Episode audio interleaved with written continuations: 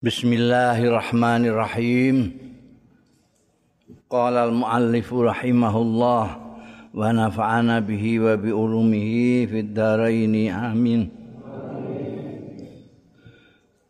Babun utawa babu mahajjati Musa bab dialog perdebatane Musa li Adam marang Adam. Fala yukhrijannakuma minal jannah. Mongko aja ngetokno menan ing sira setan minal jannati saking warga. An Abi Hurairah radhiyallahu anhu anin Nabi saking Kanjeng Nabi sallallahu alaihi wasallam qala hajam Musa Adam. Apa? Aja itu asal maknanya mahajah itu bantah. Ini mungkin mirip dengan bahasa sekarang komplain lah, komplain Musa itu kepada Adam. Nah, orang bantahin. Komplain itu apa cara Jawa ini? Cara Batang apa? Protes apa piye ya protes. Sapa Musa Adama ing Nabi Adam pakol. Maka ngendika Nabi Musa lahu marang Nabi Adam anta allazi akhrajtan nas sampean iku sing ngetokno sampean annasa ing manusa minal jannati saing swarga. Bidzambika sebab dosa sampean mbak tahum lan nyilakakno sampean ing nas. Yo, jadi nyalahno Nabi Adam. Sampai nek gak duwe salah Gusti Allah kon aja marek-marek wit-witan marek. Lah enak-enak swarga dadi mudhun ning gone donya rekasane ra karuan. Memang ketan nek dadak nandur pari ketan. Wis dadi kudu dideplok sik. Dideplok. Dipususi sik. Lagi digodhog, digodhog, dipangan. Anyep. Itu nganggo klopo nandur klopo limang tahun lagi tukul.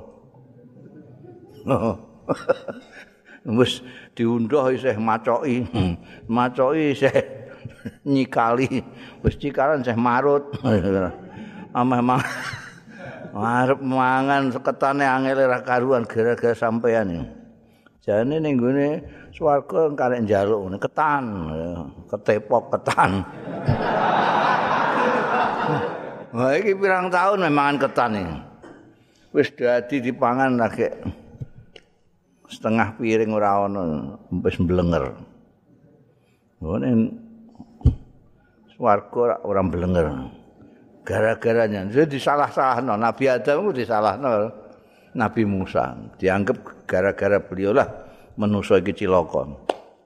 Mbak Askaitam nilekakno jenengan niku. Mas payah jenengan. Kala dawuh sapa Kanjeng Nabi sallallahu alaihi wasallam. Kala ngendika sapa Adam, saya jawabi putune jenenge Musa. Iki rak putune, putune nyala-nyala nembae. ya Musa, he Musa. Anta utai sira iku alladzi stafaka sing wis milih. Sapa Gusti Allah ka ing sira birisalati kelawan risalahe Gusti Allah. Wa bi kalami lan pengendikane Allah. Wantek kowe dijuluki alimullah satu-satunya sing dingendikani Gusti Allah langsung nalika seneng donya. Atalumun ana apa maido sira ing ingsun ala amrin ing atase perkara.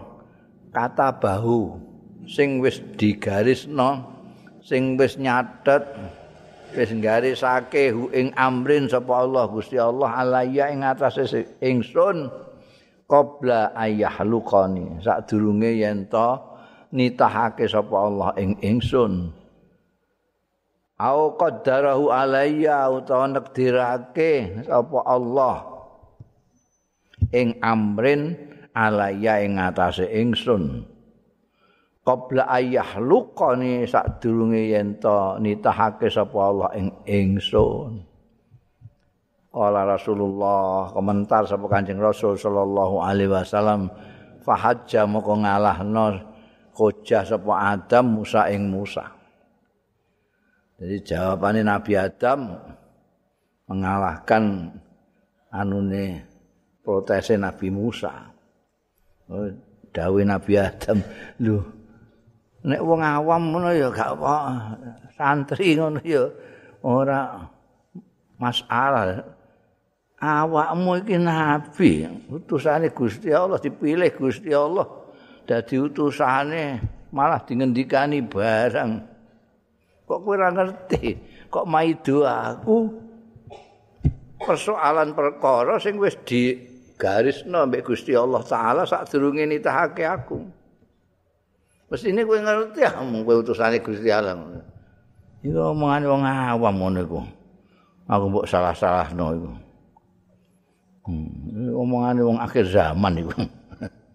Kowe utusane Gusti Allah dipilih dadi utusane Gusti Allah, dingendikani Gusti Allah, maido aku perkara sing jelas-jelas wis digarisno Gusti Allah sadurunge aku dititahno. Sadurunge aku dititahno iku wis ana garise. Kingko dilarang nyedak ning gone wit-witan sajarah tapi terus kepengin terus mangan. terus diduno. Jadi ku skenario ini ngono iku mesti ini kue kudu ngerti. Kue utusane Gusti Allah. Bahwa ana skenario sak durunge wong wujud. Ana skenario ning ngene ngene ngene engko bakal bar dititahno iki terus dikawinno karo Hawa terus di wong loro terus ning swarga bariku dilarang perkenankan apa saja kecuali mendekati kok skenario film itu ah film itu jadi rai iso mau tidak mau mesti ketabrak becak. Mergo skenario ini ketabrak becak. Ketabrak becak terus pacaran terus jadi bojone. Sinetron nak ngono iku sadurunge wis ana jadi ora mungkin terus ketabrak truk mati ya gak sida kawin. Itu skenario. Mulane apa sekarang Gusti Allah itu kenapa pada waktu perang Badar itu yang menyebabkan pertama kali ada perang Badar itu siapa? Abu Sufyan. Karena Abu Sufyan itu membawa ontan-ontan dagang mau ke Sam. Barang-barangnya muhajirin itu akeh sing dibroki, dipek, dirampas. Jadi karena orangnya pada ke Medina, neng Mekah itu toko nih, omae barang dipek. Mulane lagi Abu Sufyan arep minggu ini Sam lewat Badar dicegat. Cegat pokoknya kita ambil milik kita kembali. Dilalai dicegat wis kelewat. wis kliwat diadang meneh engko baline kok sam Abu Sufyan kirim kurir ning gone Mekah. Iki barang-barangmu ameh dibegal karo bala-balane Muhammad. Nek ora mbok kirim pasukan ya entek barangmu aja takok. Terus Abu Jahal ngerikno wong akeh kon maju kabeh perang. Seribu orang dikumpul Abu Jahal. Moro ning Badar. Lho Abu Jahal mati ning Badar iku. Ora mau Abu Jahal tok jendul-jendul Umayyah bin Khalaf sampai turute mati ning gone Badar iku. Lho Abu Sufyan ora liwat kono. Ini ora liwat Badar tapi liwat Kisik. Jadi wong sedang perang gara-gara ini, ini selamat biujeng. Skenario ini memang ngono. Mergo apa? Abu Sufyan harap mlebu Islam. ini perang-perang Uhud barang ini ora kena apa-apa. Selamat terus. Iku seneng skenario niku nanti bar Fathu Mekah Abu Sufyan mlebu Islam. Ya iku misteri.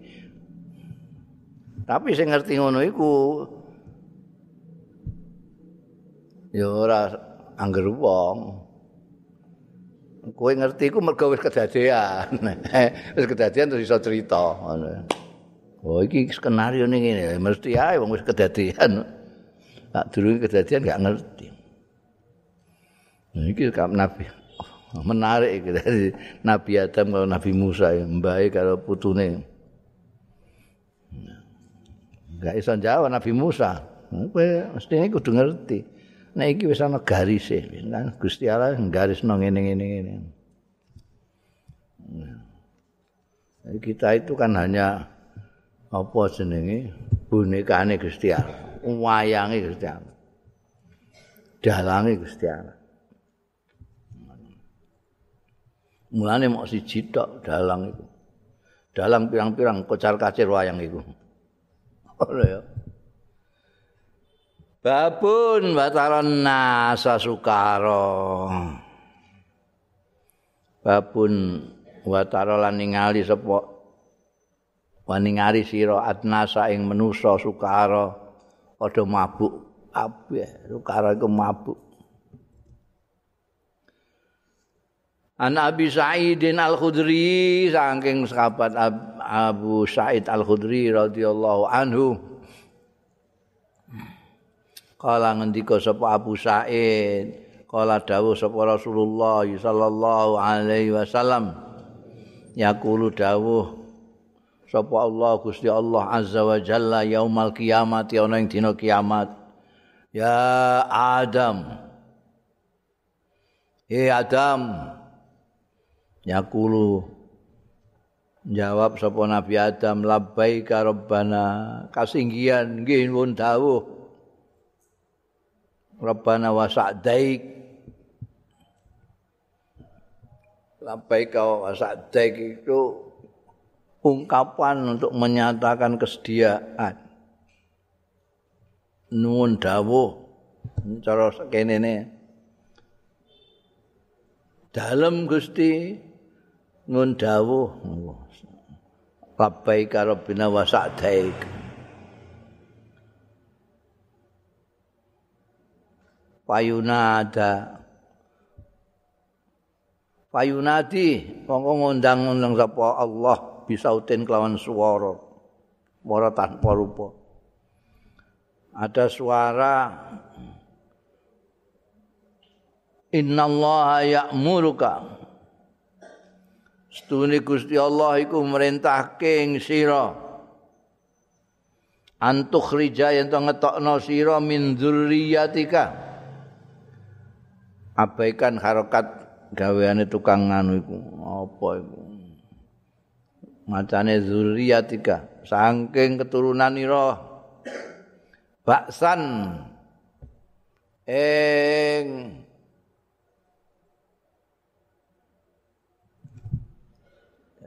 ada kelompok yang khusus disuruh ke sana. Ini udah baksan mbak Alani delegasi yo ora ora pantas delegasi pokoknya ada sekelompok orang yang dikeluarkan dari zuriyahnya Nabi Adam yang dikhususkan untuk berangkat ilan nari maring neraka.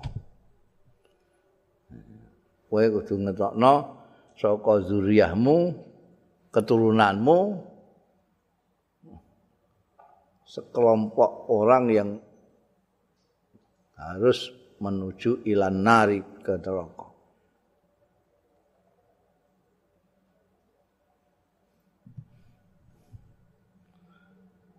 Kala matur sapa Nabi Adam ya Rabb piduh pangeran kula wa ma bak sunnar niku napa bak sunnar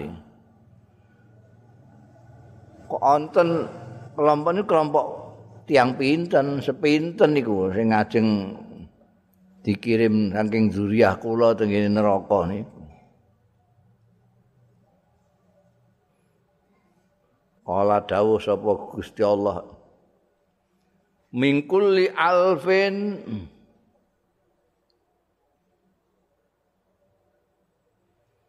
Urahu nyono sapa ingsun kala ngendika iki Abu Said Al-Hawu itu mingkuli alfin bisab imiatin wa tis'atan wa tis'ina Muka ana bae ya. Tis amiatin. Mingkul li alfin tis tis umiatin. Abekan harokatin.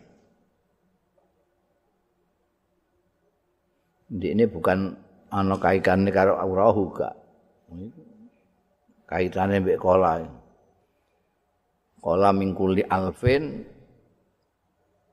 tis umiatin sangang atus watis atu watis atun lan songo watis ina lan sangang puluh di dari zuriat Nabi Adam itu harus harus dikeluarkan sekelompok yang dikirim ke neraka. Karena utusan atau delegasi ya gak pantas. Bukan ada sekelompok orang yang dikirim ke neraka. Dan iki pinten Nabi Adam, pinten iki sing keturunan kula niku pinten sing dikirim teng kene neraka niku. Wis jawabe dari seribu yang dikirim baksan ning kene neraka sangang atus sangang puluh songo. Jadi kok itu ning ning neraka kabeh. Mau sita-sita sing swarga berarti. Ya Allah. Mingkuli alfin setiap sewu iku sangang atus sangang puluh songo sing dikirim ning neraka. Sing jenenge bas itu. Sing sitok-tok sing ora ning neraka. Sangang atus sangang puluh songo untuk seribunya kan tambah sitok. setiap seribu orang keturunanmu sing sangang atus sangang puluh songo iki kirim ning neraka pasti hmm.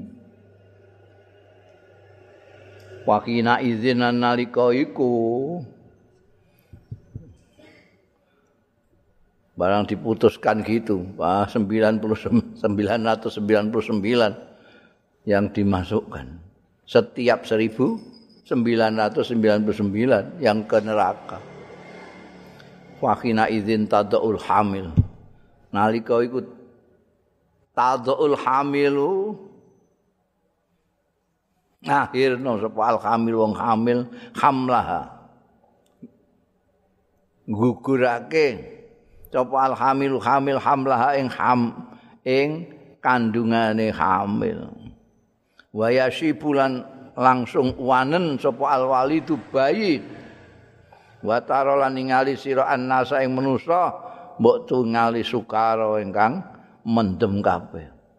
Padahal wa mahum bisukara ora ana utawi nas iku sukara mendem. Walakin angin walakin azaballahi angin tetapine setuhune siksane Gusti Allah iku sadidun. Dahsyat banget. Ana sing ngendikakno ini bahasa kiasan. Dari kiasan sesuatu yang dahsyat. Itu membuat kejutan yang luar biasa. Ibaratnya orang yang hamil kandungannya langsung gugur gitu saja kalau lihat peristiwa yang seperti itu dahsyatnya bayi langsung iso wanen. Ada yang maknani gitu, ada yang maknani hakikatan yang manjen begitu. Masa sok mben ku ana bayi barang. Iya. Lah sapa? Ya sing mati bayi. Kan sing mati bayi, ana sing mati meteng. Itu nanti semua yang mati itu akan ditangekno seperti ketika dia mati. yang mati bayi jadi bayi ndak sing mantan meteng-meteng lah. Ada yang berpendapat begitu. Tapi semuanya sepakat bahwa pada waktu itu dahsyat sekali kondisinya sangat sangat dahsyat orang itu geleng kabeh itu bukan karena mabuk tapi karena dahsyatnya azab apalagi mendengar bahwa setiap seribu sembilan ratus sembilan puluh sembilan yang ke neraka anak anak turunan Adam wah Ya mergo kelakuane iku akeh sing bejat timbangane sing apik. Mbok sensus sak kenen saiki. Masya Allah.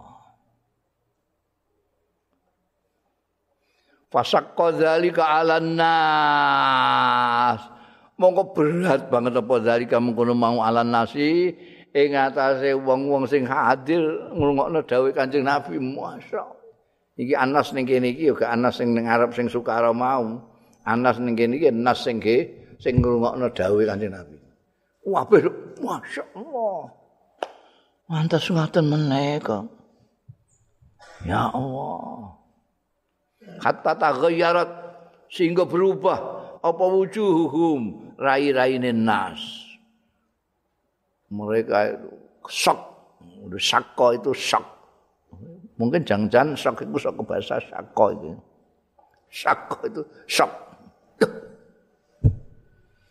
Orang-orang pada shock sampai berubah wajahnya dari pucat kabeh. Ya Allah. Fakolan Nabi mengko dawuh sapa Kanjeng Nabi sallallahu alaihi wasallam. Min Ya'jud wa Ma'juj. saking Ya'juj wa Ma'juj saking Jo Ma'juj Kiai kuno nek manani Ya'juj Ma'juj iku Jo Ma'juj padahal ini dua dua orang Ya'juj mbek Ma'juj sing embekan apa yang tinggal di balik gunung dan gunungnya terus di semen karo Dzulkarnain.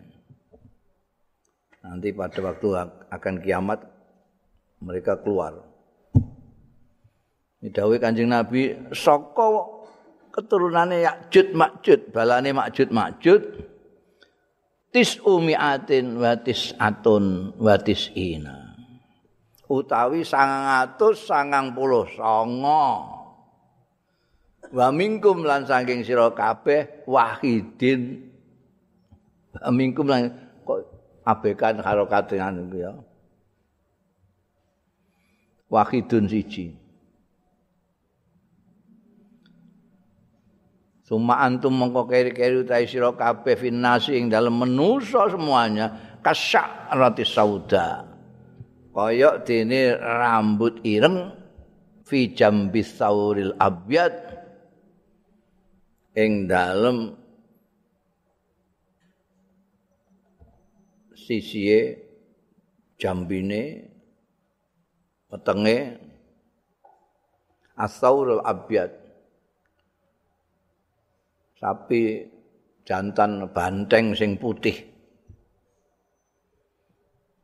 Au kasaratil baida atau koyok rambut putih fi jambis sauril aswad ing dalem.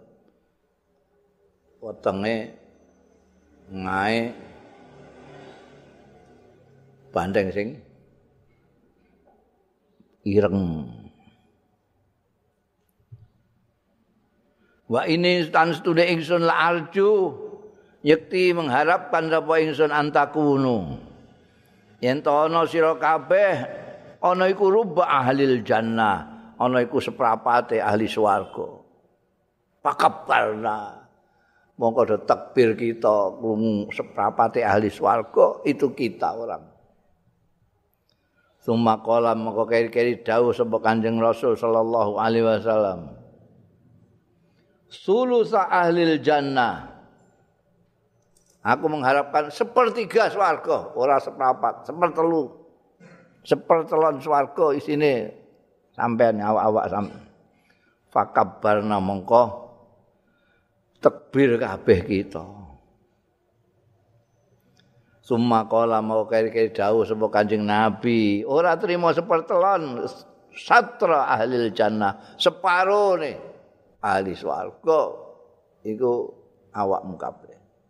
Fakabar nama takbir gitu. Oh. Ya takbir karepe dhewe ora usah dikongkon. Saiki takbir dikongkon. Takbir. Allah Akbar. Iku takbir karepe dhewe ora dikongkon Kanjeng Nabi gak. saking senenge, saking senenge.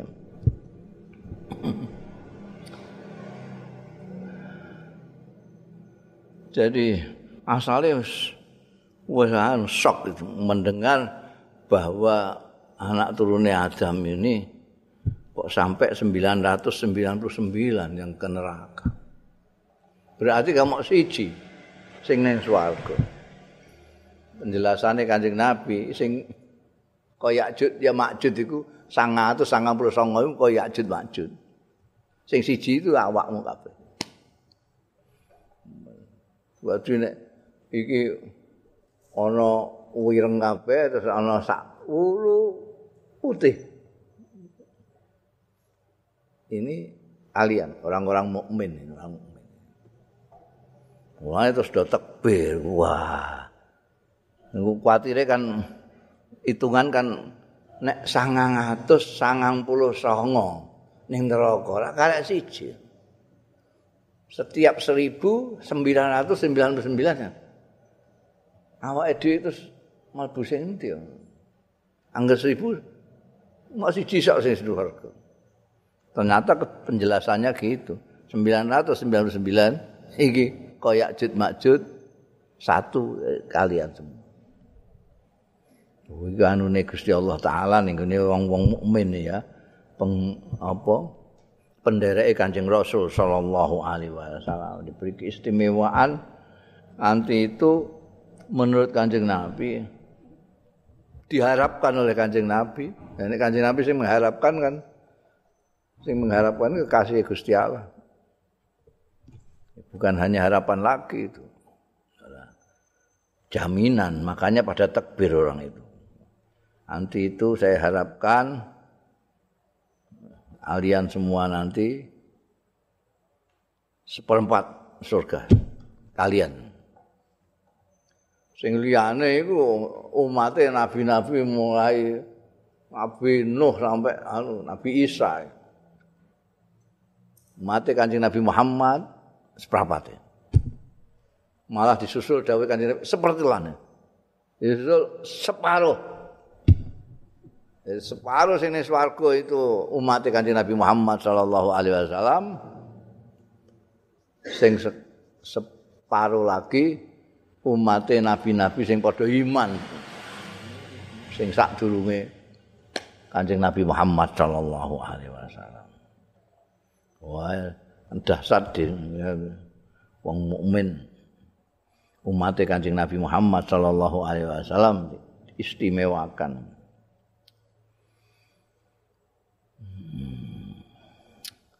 Babun innallaha indahu ilmu sa'ah.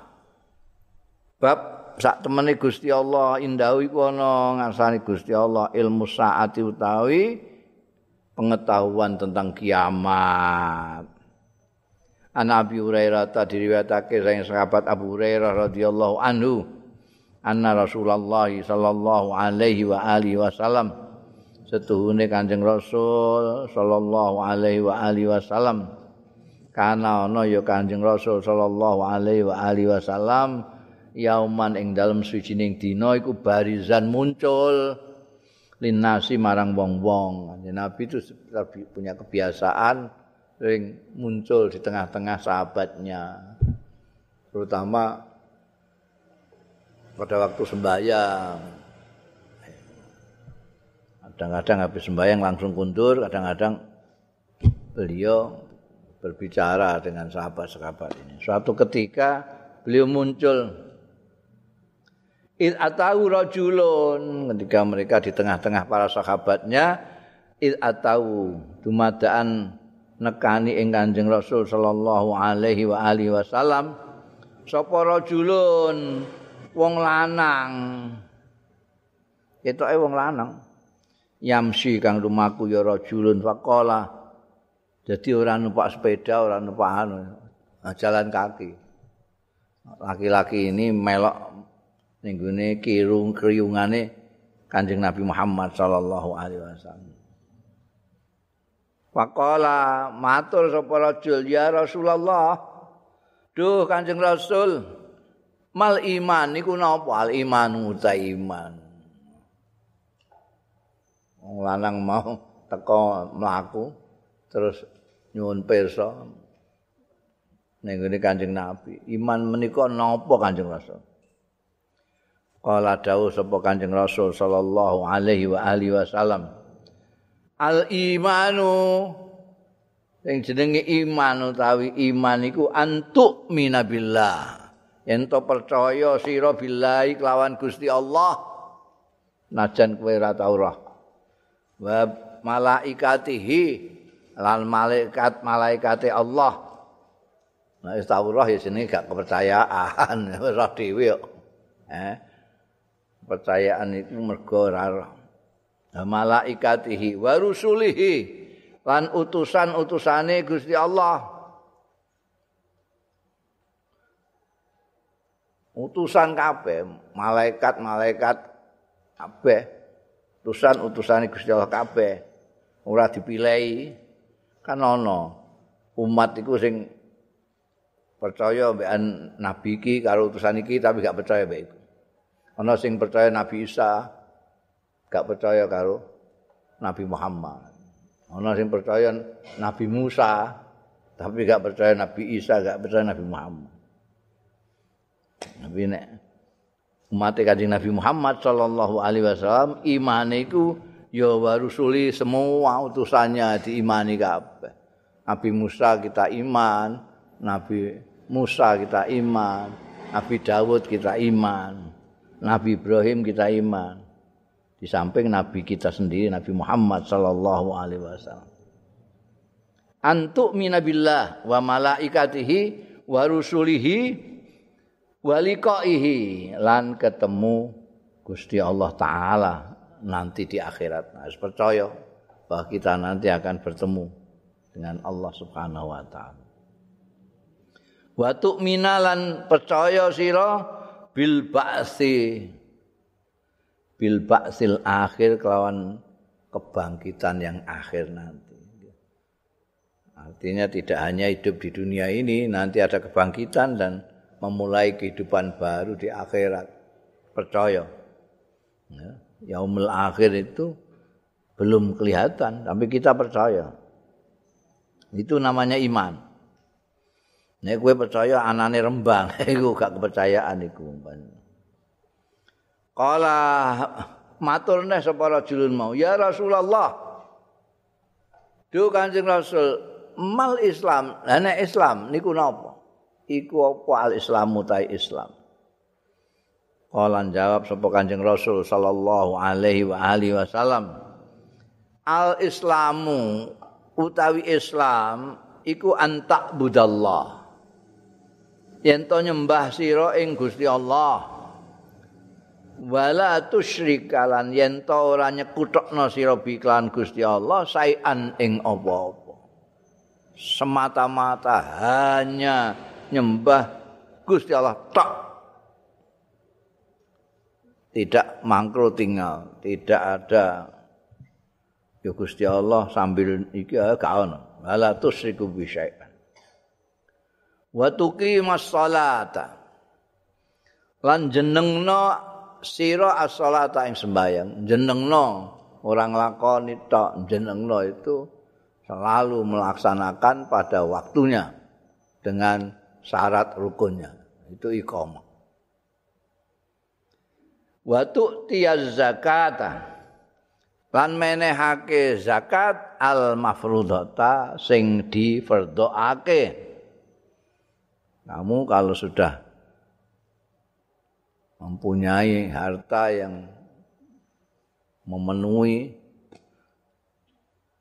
kamu wajib mengeluarkan zakat yang ditentukan sekian persen dari harta itu. Wa tasuma ramadhana lan poso sira Ramadan ing wulan Ramadan.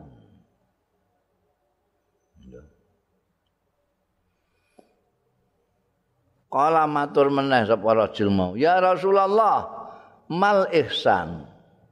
Iku apa al ihsan utawa ihsan?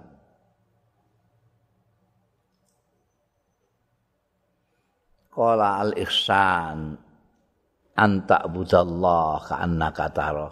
Kaya hadise anu kaya. Hadise Sayyidina Umar. Kan mirip itu. Iki riwayatnya di Dewi Iki Bukhari dari Abi Hurairah. Ihsan iku apa? Kala dawuh sapa Kanjeng Rasul sallallahu alaihi wasallam, al ihsan utai ihsan iku antak budallah. Yen to nyembah sira Allah ing Gusti Allah, ka'annaka kaya-kaya setune sira tarahu ningali sira ing Allah. Betul-betul konsentrasi seolah-olah kamu melihat Allah.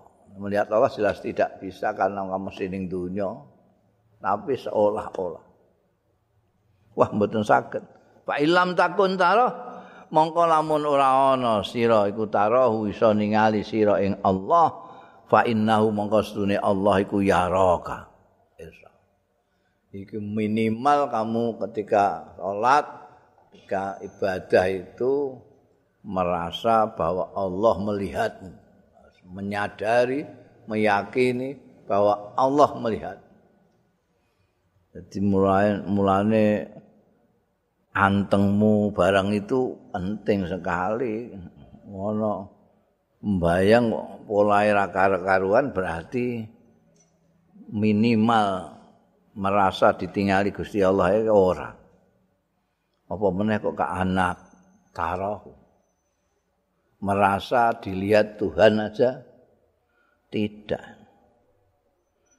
Nek pancen bener-bener menyadari bahwa Allah melihat kamu, maka kamu itu pasti wanteng khusuk ndak berani. Wong kowe ngadep lurah ngono ae wanteng murah karuan. Eh, wa ma adra kamal lurah ini. Gusti Allah. Ainahu ya rab Mane apa wali-wali itu ora terima khusuk ora terima kalem kadang-kadang semaput. Sewangking merasa melihat atau merasa dilihat oleh Allah Kala matur meneh sapa rajul iku mau, ya Rasulullah, duh Kanjeng Rasul, mata saah. Niku kapan asaatu tawi kiamat. Kala dawuh sapa Kanjeng Rasul sallallahu alaihi wasallam, mal mas'ulu anha? Ora ana utawi wong sing ditanya sing ditakoni anha tentang saah. Ora ana iku bi a'lamal luweh ngerti minasaili timbane sing takon. Lah nek soal iki sing ditakoni karo sing takon padha dene padha ora ngerti ini.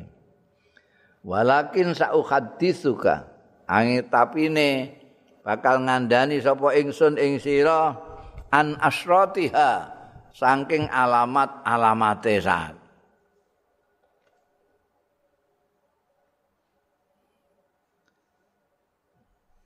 Napa niku? Idza waladatil mar'atu rabbataha. Yen nglahirna sapa al mar'atu wong wadon rabbataha ing bendarane mar'ah. Wo tanda-tanda kiamat. Saiki wis akeh. Biyen niku wong maknani waladatil mar'atu rabbataha mergo ana bendara ngawini jariah jariah yang anak anaknya jadi bendoro jariah itu. Tapi ada yang maknani tidak begitu. Bahwa ada perempuan yang mempunyai anak jadi presiden. Maka dia akan jadi rakyatnya presiden itu. Meskipun secara biologis dia ibunya, tapi secara kenegaraan dia itu rakyatnya. Jadi rakyat ngelahirno presiden. Itu biasa itu. Padaka min asrotiha. Nek apa jenenge nek kerajaan kan enggak. Nek kerajaan ya anak raja ya raja ngono. Jadi keturunannya raja kabeh. Presiden meskipun kekuasaannya sama dengan raja, bahkan kadang-kadang lebih. Presiden Indonesia ini kalau raja-raja Solo, Jogja barang menang presiden. Iku anake rakyat iku. Padaka mongko mengkono-mengkono mau iku min asratiha termasuk alamat-alamat kiamat.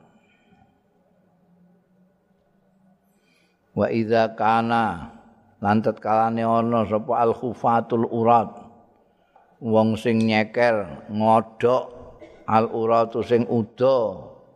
Ana iku ruusan nasi dadi pemimpin-pemimpining manusa. Eh orang-orang kecil jadi pemimpin-pemimpin itu sudah sudah sudah terjadi. Nek ning gone hadis liyane iku sing riwayate Sayyidina Umar iku al-khufat orang-orang yang ngodok iku ya tatawalu nafil bunyan. Itu wong sandal jepit tapi terus dhuwur-dhuwuran bangunan. Itu sudah terjadi. Biar ini wong Kuwait, Emirat, Saudi, bareng sandalan jepit.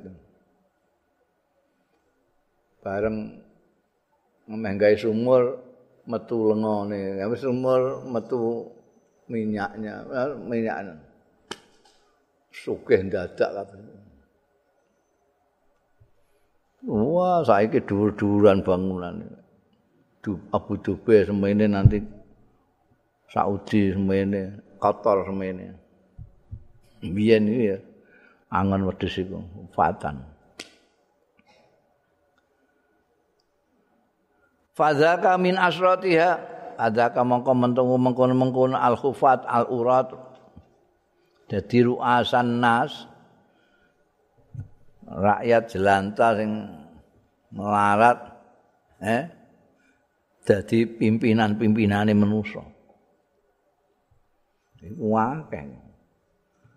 Pak Jokowi ku kan anake apa? Wong rakyat biasa lah. Bakul mebel ngono ae. Eh? Bakul mebel. Dadi presiden. Menguasai dari pimpinannya 250-an lebih juta. Mongko ta'i mengkono mau iku min asratia saking alamat-alamat kiamat fi khamsin ing dalem lima hal layak lamuhun sing ora ngerti ing lima sapa illallah kejaba Gusti Allah. Termasuk itu kiamat hari esok Inna Allah astuni Gusti Allah indahu. Iku ana ngasane Gusti Allah ilmu saati pengetahuan tentang kiamat. Hanya Allah tak sing ngerti.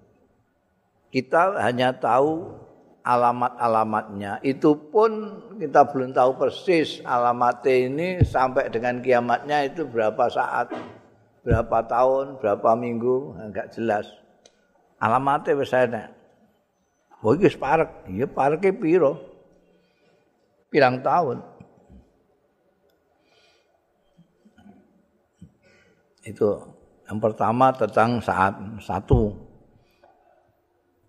Wa yunazzilul ghaitsa lan nurunake sapa Allah al ghaitsa ing udan. Kapan? Gusti Allah sendiri yang tahu. Wa ya'lamu lan pirsa sapa Gusti Allah taala ma ing barang fil arham kang ana ing dalem kandungan-kandungan, bukan hanya lanang wedok eh, tapi saidun amsakiyun.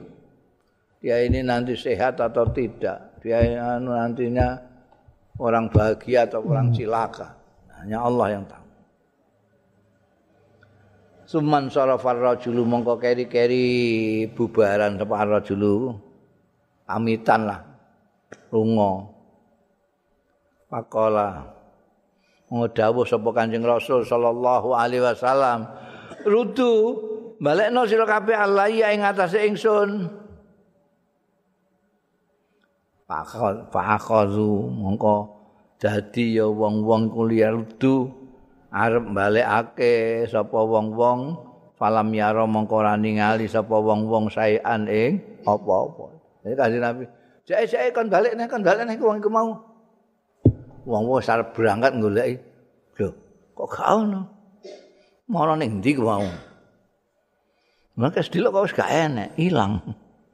Palam yaro mongko ra ningali wong-wong sing arep balekno iki mau mergo didhawuhi Kanjeng Nabi, "Cek kon kon balik, kon balik sik, kon balik sik."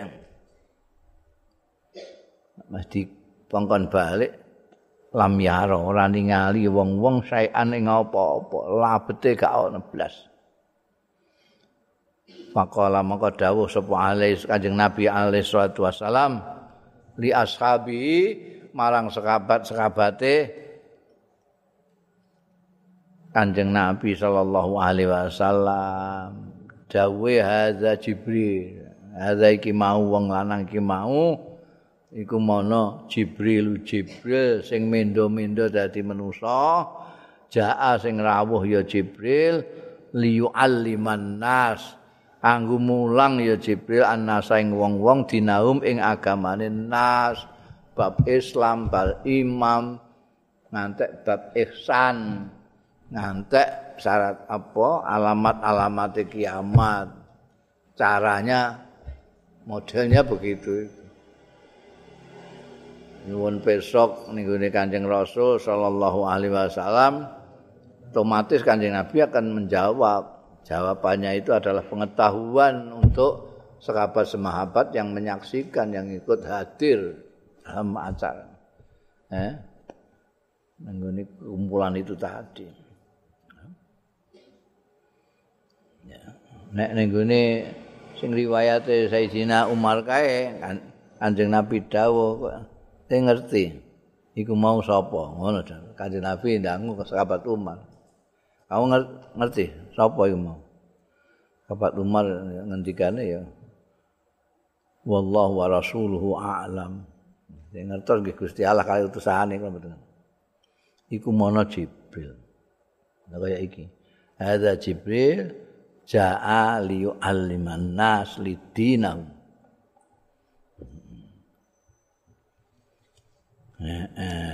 babun fala ta'lamu nafsun ma'akh ukhfiya lahum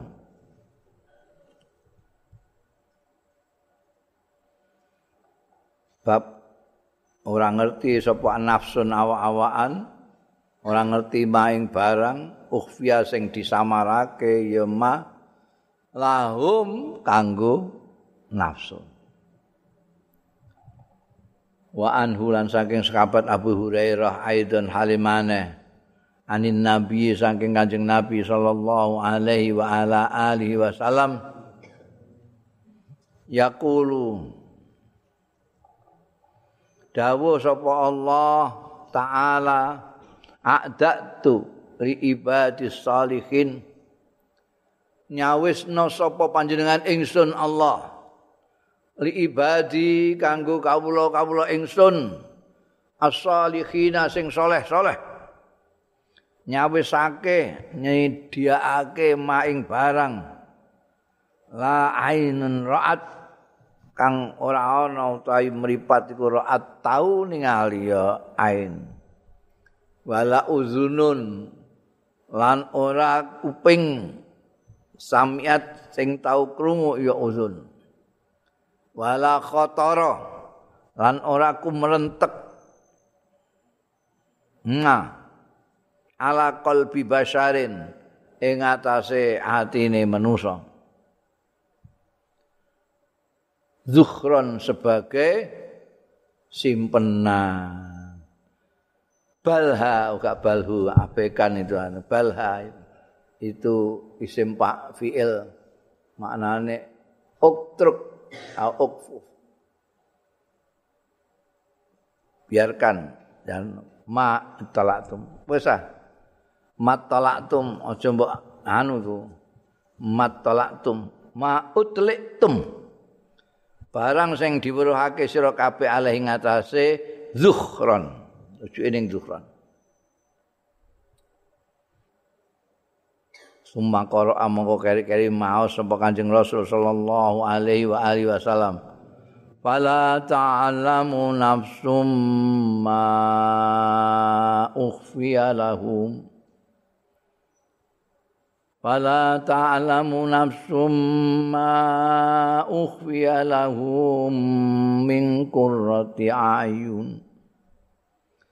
Jazaa'an bima kanu ya'malun Wala ta'lamu mong orang ngerti apa nafsu nawa-awaan maing barang ufia kang den si demak sing disamarake. Ya malahum kanggo nafsun min kurrati ayunin nyatane kurratu ayunin sesuatu yang ngantengake meripat yang menyenangkan. Jazaan sebagai wales bima klan barang kanu kang ana ya nafs kullu nafsin. Ya maluna padha ngamal ya nafsun kalimate lafate ngono ya mufrad nafsun. Tapi isine awak-awakan pirang-pirang samben wonge jenenge awak-awakan kabeh. Hmm? Gusti Allah itu menyiapkan ini dawai Gusti Allah dalam hadis qudsi yang diriwayatake sahabat Abu Hurairah. Jadi Gusti Allah nyiapake kanggo kawula kawulane sing saleh-saleh Mulane wong anggere ndonga supaya dadi wong sing saleh. Azalni minas salihin iku mergo sing wong saleh-saleh iku dicawisi mala ainun ra'at wala uzunun samiat wala khatara ala qalbi basar. Nek kowe tau roh ya ora. Nek kowe tau krungu ya ora. Nek kowe tau krentek ya ora. Dadi kowe swarga niku napa kaya anu ngoten. Kaya hotel bintang 5. Kowe krungu kanthi ana bintang 5 enak iku. Eh kula mireng-mireng ya ora, mbok krungu apa. Napa kados istana anu niku? Kowe roh. Kula nate ningali, oh ora sing kowe tau roh iku gak. Napa kados sing kula bayangake niku wah widodari pirang-pirang mriku ora. Sing mbok bayar anggere iso mbok bayar ora. Oh, itu rasa dekentek. Itu suatu hal sah ora usah apa. Kowe sing diweruhi apa? Mbek sing tau diweruhi apa? Iku wis ora kabeh. Jadi saya rasa mbok pikir iki apa kaya iki kaya iki ora wis Fala ta'lamu nafsun tidak ada seorang pun yang tahu apa yang memang disembunyikan oleh Allah. Pokoknya ben kowe penasaran ngono eh malah ainun ra'at wala uzunun samian wala khatara al khabasan. Ya kowe. Kaya kowe barang ngono iku dikandani enake duwe bojo kan ya bingung deh Ameh nyeritani kowe ku piye? Kowe napa kados rokok? Ya, ora. Napa kados duren iso ora? Kabar-kabar ini ku keadaan ngene kok. Ora pokoke sing kaya kabare mbok rungu-rungu iku iso ora. Napa Ya ora pokoke. ora kabeh kena bingung kowe. Penasaran apa ora kowe? Penasaran yo kawino. Ini kowe nasaran mbek swarga ya berusahalah ke swarga. Berusaha swarga. Nek saiki mbok karang-karang bayang-bayang wis ora kabeh. mala ainun ra'at wala udhunun sami'at wala khatara ala qalbi basyar zuhran balha matalat matlu utlitum alaihi ya. Omana sing mbok kira-kira mbok tahu mbok ro iku ora kabeh. Babun nabi aula bil nabiyu aula bil mukminin wallahu a'lam.